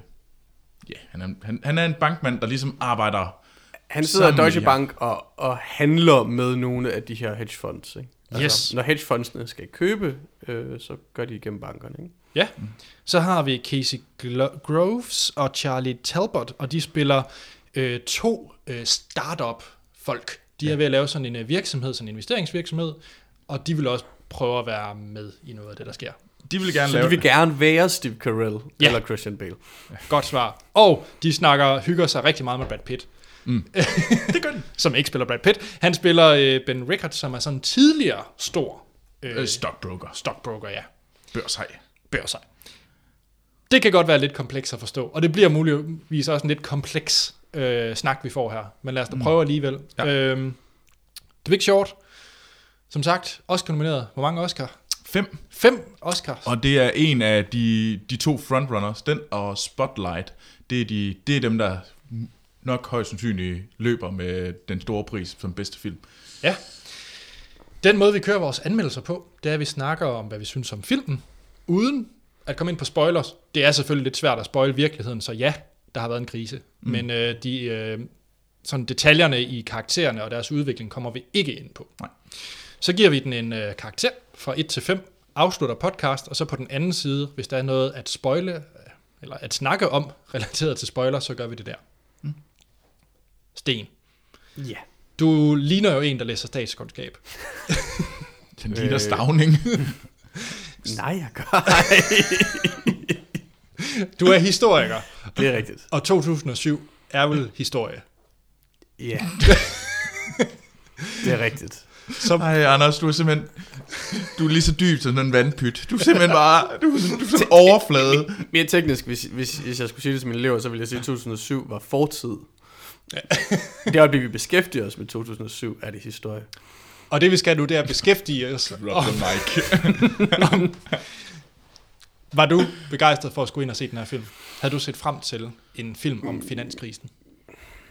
Ja, det er sådan, sådan set. Ja. Øh, sådan, mm, vi skal kalde det moderat store forventninger. Ja. Øh, fordi jeg vil sige, dengang vi fordelte film sidst, Mm. sidst vi gjorde det i gruppen af værter og gæsteværter, der var jeg da meget glad for, at, at jeg fik, fik The Big Short blandt andet. Ja. Blev de så indfriet dine forventninger? Øhm, nej, det gjorde de ikke. Okay. Så det, det, det, det gjorde de ikke. Øhm, det kunne jeg egentlig også godt have, have sagt lidt hurtigere, end, uden den der tøven. Fordi jeg tror egentlig ikke, jeg synes, det er en specielt vellykket film. Hvad er det, der, der gør det ikke til en vellykket film? Øhm, jamen man kan sige, altså det er jo egentlig, altså for mig er det jo et rimelig beundringsværdigt projekt for så vidt. Det at prøve at lave en, en film om noget, hvor, jeg- altså, som ret beset de færreste interesserer sig for, Mm.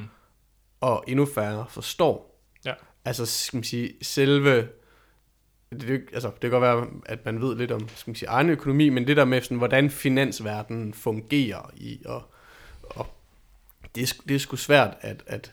Det tror jeg er svært at sælge, ikke? Altså, Ja. i, i en filmsammenhæng. Og I den forstand er det beundringsværdigt, at de forsøger øhm, at få, få tingene forklaret og få gjort tingene interessant. Og langt hen ad vejen, så lykkedes det også, eller et godt stykke hen ad vejen, og så alligevel ikke. Jeg synes, at det, altså, det lykkedes faktisk ikke at få forklaret de her ting, som er, er så svære at forstå. Mm. Selvom de prøver på nogle forskellige finurlige måder, som vi måske kan vende tilbage til, hvad det er for nogen. Så, så, så overordnet, så, så var den sådan set en skuffelse. Ja. Fordi jeg havde moderat store forventninger. Troels, havde du mere end moderat store forventninger? Jeg havde egentlig ikke de vilde forventninger af at se det. Det var heller ikke, fordi jeg forventede, at det var en dårlig film. Jeg tror, jeg kom ind sådan, det var, det var sådan en film, der er sådan, jamen, den skal jeg jo have set. Øhm, det var ikke en, jeg ligesom sådan havde glædet mig til, men det var heller ikke en, jeg frygtede. Altså. Så det var en film, den, den skulle du se, så det, det nå, jamen, så den, den får jo gode anmeldelser. Øh, så den skal da nok blive meget fin, tænker jeg. Det var sådan min tanke, da jeg gik ind. Jeg synes, det var, det var nogle gode skuespillerpræstationer, bestemt. Øh, Ja, jeg synes, de også, de havde, øh, de, de gjorde nogle, de prøvede virkelig at fortælle nogle ting øh, om det, et meget, meget svært emne, og prøvede at gøre det spiseligt. Bestemt øh, har jeg det, synes jeg, det var et godt projekt, og jeg synes, at de kom rimelig langt. Problemet for mig, det var, at de der historier, de her forskellige personer, der var der fa- faktisk kun en af de her sådan storylines, som var interessante. Hvem var det? Og det var øh, Steve Carells. Jeg synes Nå. klart, at han var den mest interessante. Der er jeg meget uenig. Nå, Det er okay. sjovt. Nå.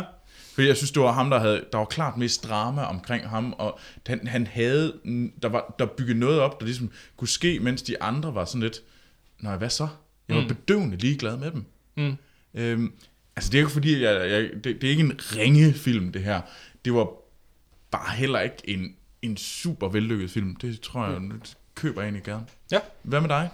Det er sjovt, du nævner det der med, at du ikke... Øh, du, det jo kun var Carells karakter, du var investeret i, for jeg har det lige modsat. Okay.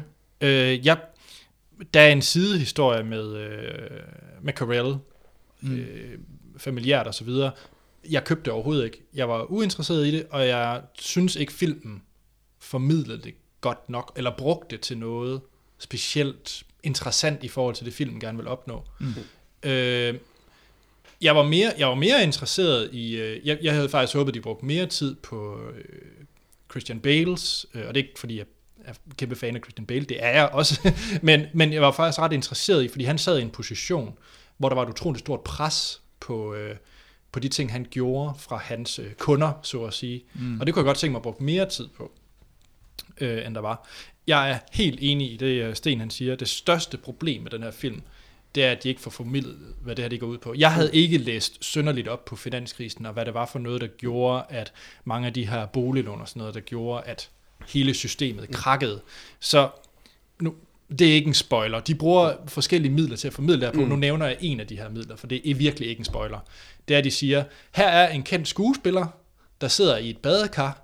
Nu vil hun forklare Et hvordan- svært emne. Et, et svært Mm. emne. Ha, ha, ha. Det er sjovt, for hun sidder nøgen i et badekar. Mm. Så, sidder, så forklarer hun det. Tralalala, og så siger hun, get it now? Winky, mm. smiley, grin. Og nej, jeg forstod det ikke. Efter mm. hun har siddet i det badekar og brugt øh, et, nogle minutter på at forklare det her, som om, og, og hun, hun fortæller det som om, de formidler det som om, du er idiot, hvis du ikke fanger det her nu. Og det, synes jeg, det synes jeg faktisk talte ned til mig som... Mm. Øh, Man kan sige, at øh, altså, den, den laver jo, altså måden den, måden den forsøger at gøre de her øh, svært forstå- forståelige ting spiselige for folk, det er netop ved de her forskellige gimmicks, Ja. hvor den med kendiserne er den ene, ikke? Ja. Og så har den jo også, øh, skal man sige, øh, så har den, hvad hedder det, øh, de forskellige karakterer, der taler direkte til, Ja. til publikum, altså ligesom bryder. Var det ikke hovedsageligt, hvad hedder han, Ryan Goslings karakter? Åh, der er flere, der gør det. ja. Øh, Det fungerer ja. Nå, nå, men, men, tusind gange bedre Ja. end Hateful Eight. mm, Bare lige. Men, men, men, men det er jo sådan lidt... Øh, øh, altså, hvad hedder han? Kevin Spacey? Øh, House of Cards. ja, det er sådan lidt Ja. ja. en, sådan en House of Cards Det er meget lidt af måde, den, ikke? ja. Ja. Øh, og så den sidste, de gør det, det er jo så ved forskellige former for tekst på skærmen. Ja. Ja. Så det er sådan de tre metoder, den grundlæggende bruger. Og jeg synes... Øh, jeg synes faktisk, det lykkedes. Jeg, jeg, men, jeg, jeg synes, de fleste af dem... Det var ikke, fordi jeg måske fik den fulde forståelse, men, men forklaringerne hjalp. Mm. Men, men problemet er, at da, vi, da historien endelig når til krisen, altså går fra optakten til krisen, til krisen faktisk kommer, så får vores hovedpersoner nogle forskellige øh, hvad skal man sige, problemer, øh, som vi ikke skal spoil her, men, men de ting, der sker, er aldrig blevet forklaret. Nej. Øh, og det vil sige, dermed lykkedes projektet ikke. Og så synes jeg nemlig, at det er rigtigt, at, at det er lavet altså, lige lovligt smart, så det taler ja. lidt ned til folk. Ikke? Og det vil sige, at på den måde så kollapser hele ideen med den her øh, lidt smartass tilgang, når den faktisk ikke gør det, den skal. Ja.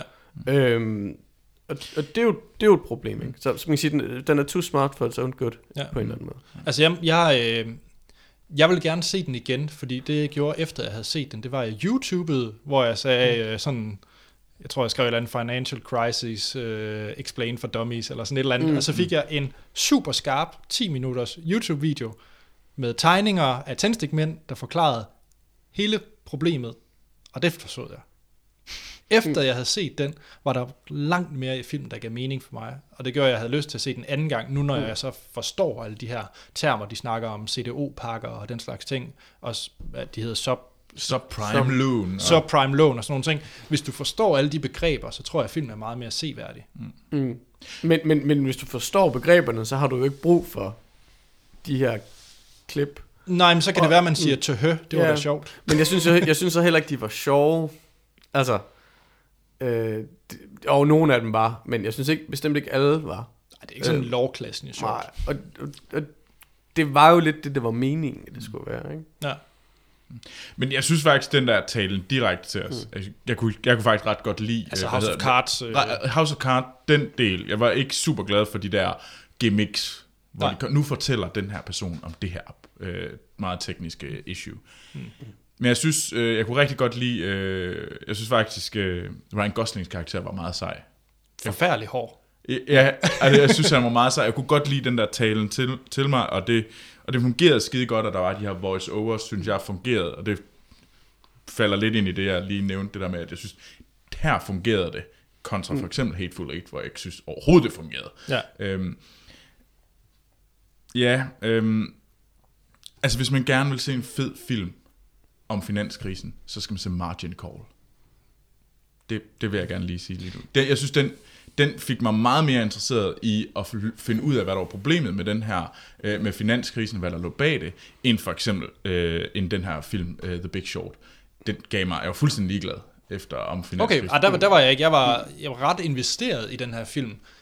Jeg må ind, altså, den trækker bare ned, at den talte ned til mig. Ja. Mm. Øh, fordi jeg kunne, både, jeg kunne faktisk lide de fleste karakterer. Steve Carell synes, jeg har lidt problemer. Øh, også fordi han minder mig... Jeg kunne meget bedre lide Steve Carell i uh, Foxcatcher, fordi der, der skifter han total øh, både fysik og mimik og talemåde. Mm. For at være helt ærlig, jeg har så også set The Office ni sæsoner tre gange igennem. Han mindede mig meget. Jeg kunne ikke lade være med at se Michael Scott fra The Office okay. i den her karakter. Og det ødelagde det en lille smule. Jeg tror også, det var fordi, at det var Adam McKay, og den var den der humoristiske tilgang mm. til det. Så, så for mig blev der, mm. kammede den lidt over i, uh, Ja, okay. i sådan en tv-serie comedy-land. Men jeg synes bare, det var ham, der havde mest investeret. Det var, der var bare, det var, en, det var klart den bedste fortælling omkring mm. hans ting.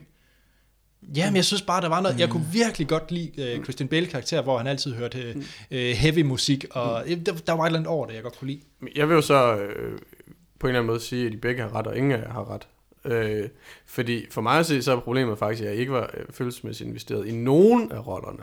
Okay. Øhm, og, og det vil sige, der har filmen altså også det problem, at den har for stor for stort et cast, eller hvad skal man sige, eller den har for mange fortællinger, den vil fortælle på én gang, hvor jeg tror, den havde været... Altså igen er det jo beundringsværdigt, at den ligesom prøver at sige, at det var ikke kun én mand, der havde regnet det hele ud på forhånd, men prøver Mm. at give et mere nuanceret billede. Ja. Det fungerer bare ikke som film, fordi man ikke bliver følelsesmæssigt investeret i nogen af rollerne. Hvis den havde noget med at fortælle øh, historien om de to unge investorer, eller havde noget med at fortælle historien om, om Steve Carell og hans øh, hedgefund for eksempel, så tror jeg, at vi havde fået en bedre fortælling. Og jeg, og jeg tror faktisk, at, at, at øh, ikke at jeg vil afsløre, hvad det er, men jeg synes egentlig, det bedste øjeblik til at sige, hvor, hvor jeg ikke var involveret eller investeret i filmen, det var lige præcis, at der er en, en for Steve Carell et personligt twist på historien på et Og- tidspunkt, hvor jeg var ah, røvhammerne ligeglad er måske øh, lidt for meget at sige, men, men, men det gjorde ikke rigtig noget for mig, fordi jeg, jeg kendte ham ikke nok. Og tilsvarende kan man sige om, om Christian Bales rolle. Christian Bale laver reelt set ikke andet i den her film, end at præsentere sin idé, Mm. sidde og vente og sidde og spille trummen. Det er det eneste, han gør i filmen. Ej, jeg, for mig, jeg, jeg, Det er øh, sandt. Det, det her, det, ej, jeg må sige, at... Og så bliver han øh, skældt lidt ud en gang imellem. Og, og så- jeg må lige præcis ja. sige, de der, øh, hvor han slår sig, nu mild spoiler i territoriet, vi begynder at bevæge os ind i, så jeg prøver at holde det lidt diffust. Men øh, mange af de øh, mailstorm og sådan nogle ting, han, mm. han skal forholde sig til, det, det er også det, jeg siger, jeg godt have brugt mere tid ved Christian Ja, ja. Bale, for jeg synes, det var den mest interessante karakter for mig. Mm. Mm. Øh, så, Og så jeg giver dig ikke egentlig bare fordi ret. det var Christian Bale. Eller? Nej, nej, nej, jeg, nej. øh, egentlig ikke. Øhm, Troels, ja. jeg, jeg Ja. bare lige høre, er den her bedre eller dårligere? Det er lidt ind i karakterland, end 99 Homes, som også behandler krisen bare på en helt anden vinkel, som vi talte om for nogle jeg episoder. tror, at... Øhm, Den havde du ikke forventet. nej, det er ikke lige... Det, det burde du have forventet. Ja, det burde jeg egentlig. Ej, jeg tror måske, at jeg synes, at øh, de er nok på samme niveau. Et Eller andet. Ja, nu kan jeg ikke engang lige huske, hvad jeg gav 99 Homes. Det er også ligegyldigt. Nej. Øh, Jeg mindes om, jeg tror, jeg tror, jeg synes 99 Homes er bedre, fordi den har det der fokus på en historie, følger den til dørs, og giver nok af, af den der historie. Og det tror jeg, øh, så på den måde, så er det nok 99 Homes, der er den bedste af det her år. Men uden tvivl, Margin Call er den bedste om finanskrisen. Ja. Altså, Altså, jeg vil, jo, jeg vil jo klart fremhæve 99 Homes, men jeg var også gladere for den, end I var. Ja. Hvis I ikke kan huske, Var du var det mig, der var med til at anmelde. Nå, for søren. Undskyld. øhm, Nej, det og jeg faktisk, lige præcis, da du sagde Martin Call, så ville jeg overveje at bryde ind og sige 99 Homes. Fordi, fordi jeg, jeg synes jo faktisk, det var en rigtig god film. Mm. Øhm, og har den, tror jeg, stadigvæk liggende et eller andet sted på min top 10 over, over, over 2015. Okay. Øhm, øhm, Spændende. øh, bare lige for at afsløre det. Ja, ja, ja. Nå, det ikke forventet. Øh, men, men, men man kan sige, altså, jeg siger, 99 Homes vælger jo den nemme løsning, i den forstand, at den, jamen, den vælger den personlige relaterbare fortælling, mm. øh, for at sige noget om finanskrisen, hvor den her forsøger at gøre det større. Ikke? Og på den måde, så er det her mere beundringsværdigt. den lykkes bare ikke med det. Og hvor jeg synes, at, at, at 99 Homes havde en, en, en historie, der lykkedes. Ja. Øhm, ja. Skal vi prøve at give den nogle karakterer? Ja, skal vi Ej, ikke det? jeg, vil, sige- jeg vil sige én ting til. Øh, det, er, det, det sidste problem, jeg har med den, det er, jeg synes faktisk, den blev lige lovligt prædikende. Sådan, sådan moralsk prædikende, øh, sådan an, antikapitalistisk, hvor den har en fortælling, som, hvor, hvor det, den påstand godt kunne stå for sig selv. Altså når mm. man ser historien, den historie, den fortæller, så har du ikke brug for at få en moralprædiken oveni til sidst, og det får man. Øhm, det, det, det er jo igen en form for tale ned til publikum, synes jeg reelt set. Ja. Øhm, ja. Det var, Troels. Det, det, er ikke en, det er ikke en ringe film. Det er det ikke.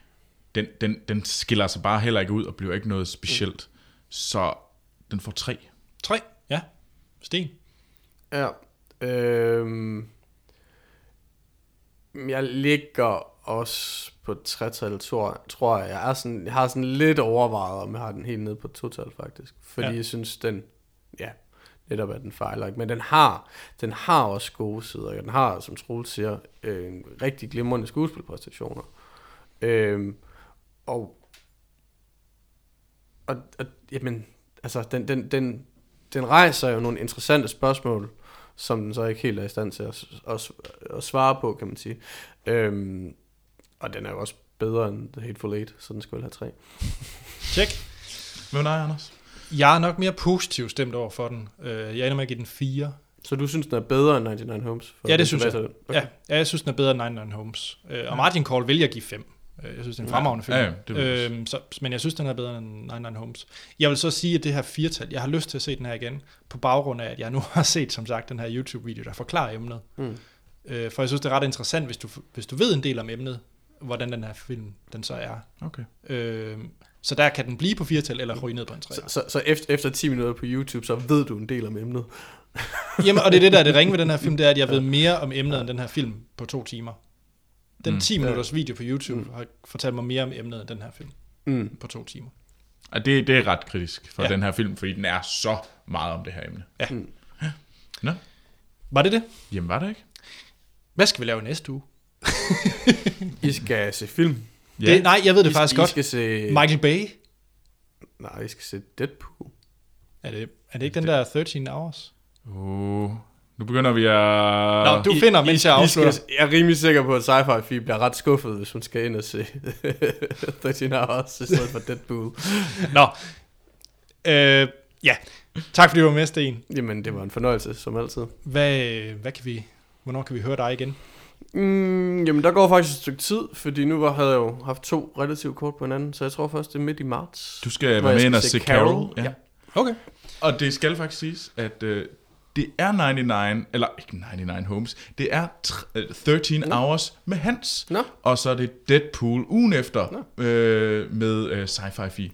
Så havde jeg ret. Jamen, Ja, du havde så er det bare fordi sci-fi fi fortalte mig lige inden... Øh, Ja, men det var fordi, For jeg havde givet den forkerte information. Ja, og hun hedder jo Necrophilia nu. Nå, Nej, det var det, som Kasper havde foreslået. Nå, nej, det gør hun ikke. altså, så, så, så er, er sci-fi vel, vel stadigvæk bedre. ja. Men det er jo ligesom, at, at, at Martin jo bare burde hedde Annie Martin. Tjek. Godt. Tusind tak, fordi øh, du var med, Troels var med, jeg var med, alle skal have tak. Øh, I kan finde os på Facebook og Twitter, hvor vi hedder Filmsnak. Vi har en e-mail, der hedder podcast. Skriv alt, hvad I har lyst til derinde. Ja. Hjemmesiden hedder fedt. filmsnak.dk. Skynd jer ind og vælge, hvilken film han, øh, Troels skal se til næste uge. Er det Network, eller er det Chinatown? Mm. Det skal vi have afgjort. Og så har vi uh, iTunes, hvor I gerne må give en god anmeldelse. Som sagt, 13 Hours, Michael Bay, Warm Action næste uge med Monster Hans. Jeg selv, Anders Holm, kan findes på Twitter og Letterboxd, hvor jeg logger alle mine film, der hedder A.T. Holm. Troels? Yes, og jeg kan også øh, findes på Twitter og Letterbox, og der går jeg under navnet Troels Overgaard. Sten? Øhm, jeg kan findes på Letterboxd, hvor jeg hedder Sten, og ja, det er vist der, jeg tilbringer størstedelen af mine vågne timer. Sådan. Fedt. Så er der ikke andet at sige, end vi lyttes ved i næste episode.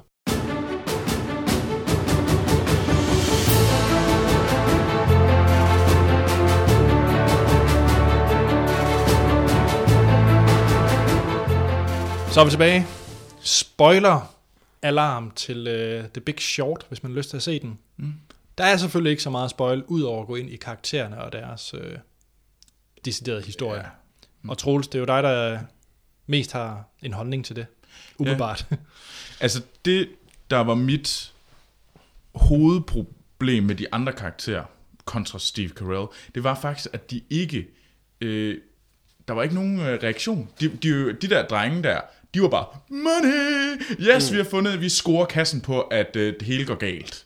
Mm. Øh, øh, hvad hedder det? Men de, men de har jo så, altså, de, har jo så Brad Pitt til at være deres det, dårlige samvittighed, kan man sige, som en enhed. Ja. Altså, Men- Og det synes jeg for eksempel ikke, altså så kan man- kommer, hvad hedder han, øh, Christian Bales karakter ud, men det er sådan lidt som om, at nu har jeg tjent x milliarder, og så, så nu, nu har jeg fået lidt dårlig, dårlig samvittighed, så, så, så nu skriver jeg, efter jeg har tjent alle pengene, så skriver jeg ud og lukker det ned.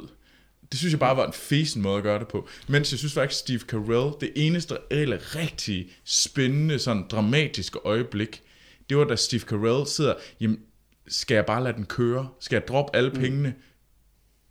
Den, der, den samtale, synes jeg var klart det mest spændende øjeblik i hele filmen. Og det er det sidste minut.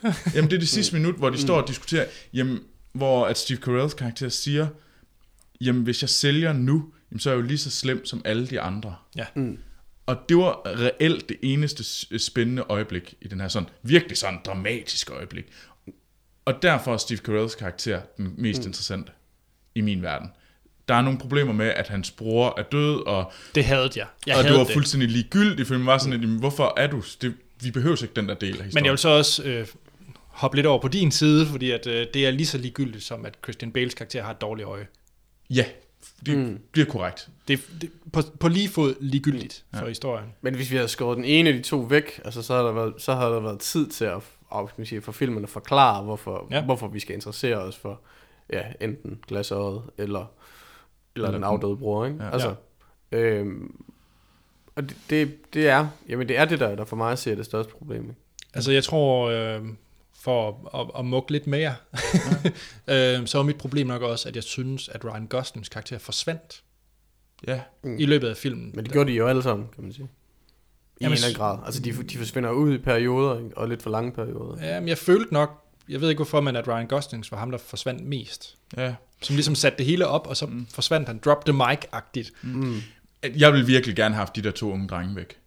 For mig var de fuldstændig ligegyldige. Det er sjovt, dem kunne jeg godt lide. Jeg kunne godt lide den de der var da meget op og de søde, og Ja. de var da meget hyggelige at følge. Mm. Men jeg havde bare sådan, for jeg kan godt se, at der er en interesse i at have Christian Bales karakter, Steve, til Steve, Steve, Steve, Steve Carells, de der to storylines, fordi, og de bundet lidt sammen af øh, Ryan Goslings. Hvis de havde fået mere tid, de to, og vi har skåret alt Brad Pitt og alt det der væk, jamen, mm. så kunne det faktisk være, at det havde blevet Ja. ja. en, en film, som også var interessant personligt. Mm. Og det var det, de forsøgte med det her glasøje og broren, der dør. Det er at gøre dem til rigtige mennesker.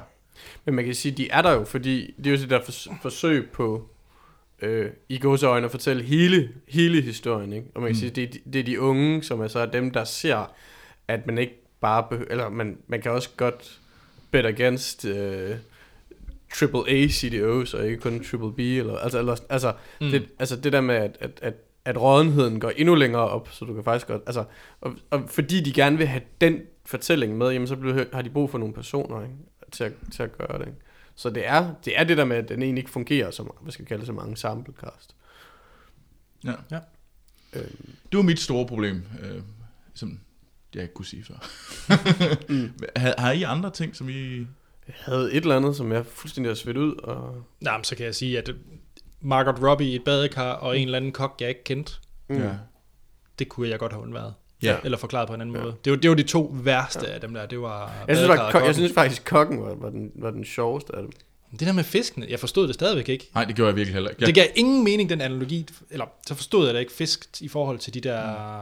føl, det, man, har, man har faktisk lyst til nogle, nogle små stregtegninger, men mm. det havde vi gjort Ja. ja. det meget bedre. Mm. Det kan godt være, det havde været sådan lidt kedelig øh, skolebænkspædagogik, men jeg tror, man havde forstået det. Ja. Og jo, det, det var selvfølgelig noget positivt, jeg vil sige. Det Mm. var, det var, øh, jeg, var, jeg var ret glad for, for der var nogle af de der, de der små, små klip, mellem, mellemklip, hvor der kommer sådan noget stemning, der repræsenterede året og sådan noget. Ja. Der var en af dem, der var, havde et ret langt klip af en polyphonic, polyphonic spree, Ja. øh, Nirvana-cover, Ja. som jeg ikke kendte. Nej, det, så, det og jeg, jeg, jeg og jeg, også og jeg, jeg er ellers ret glad for Polyphonic Spree. Ja. så, så, Ja. Eller har i hvert fald været dengang. Ja, Life and Day, den kan man altid sætte på og blive glad. Mm.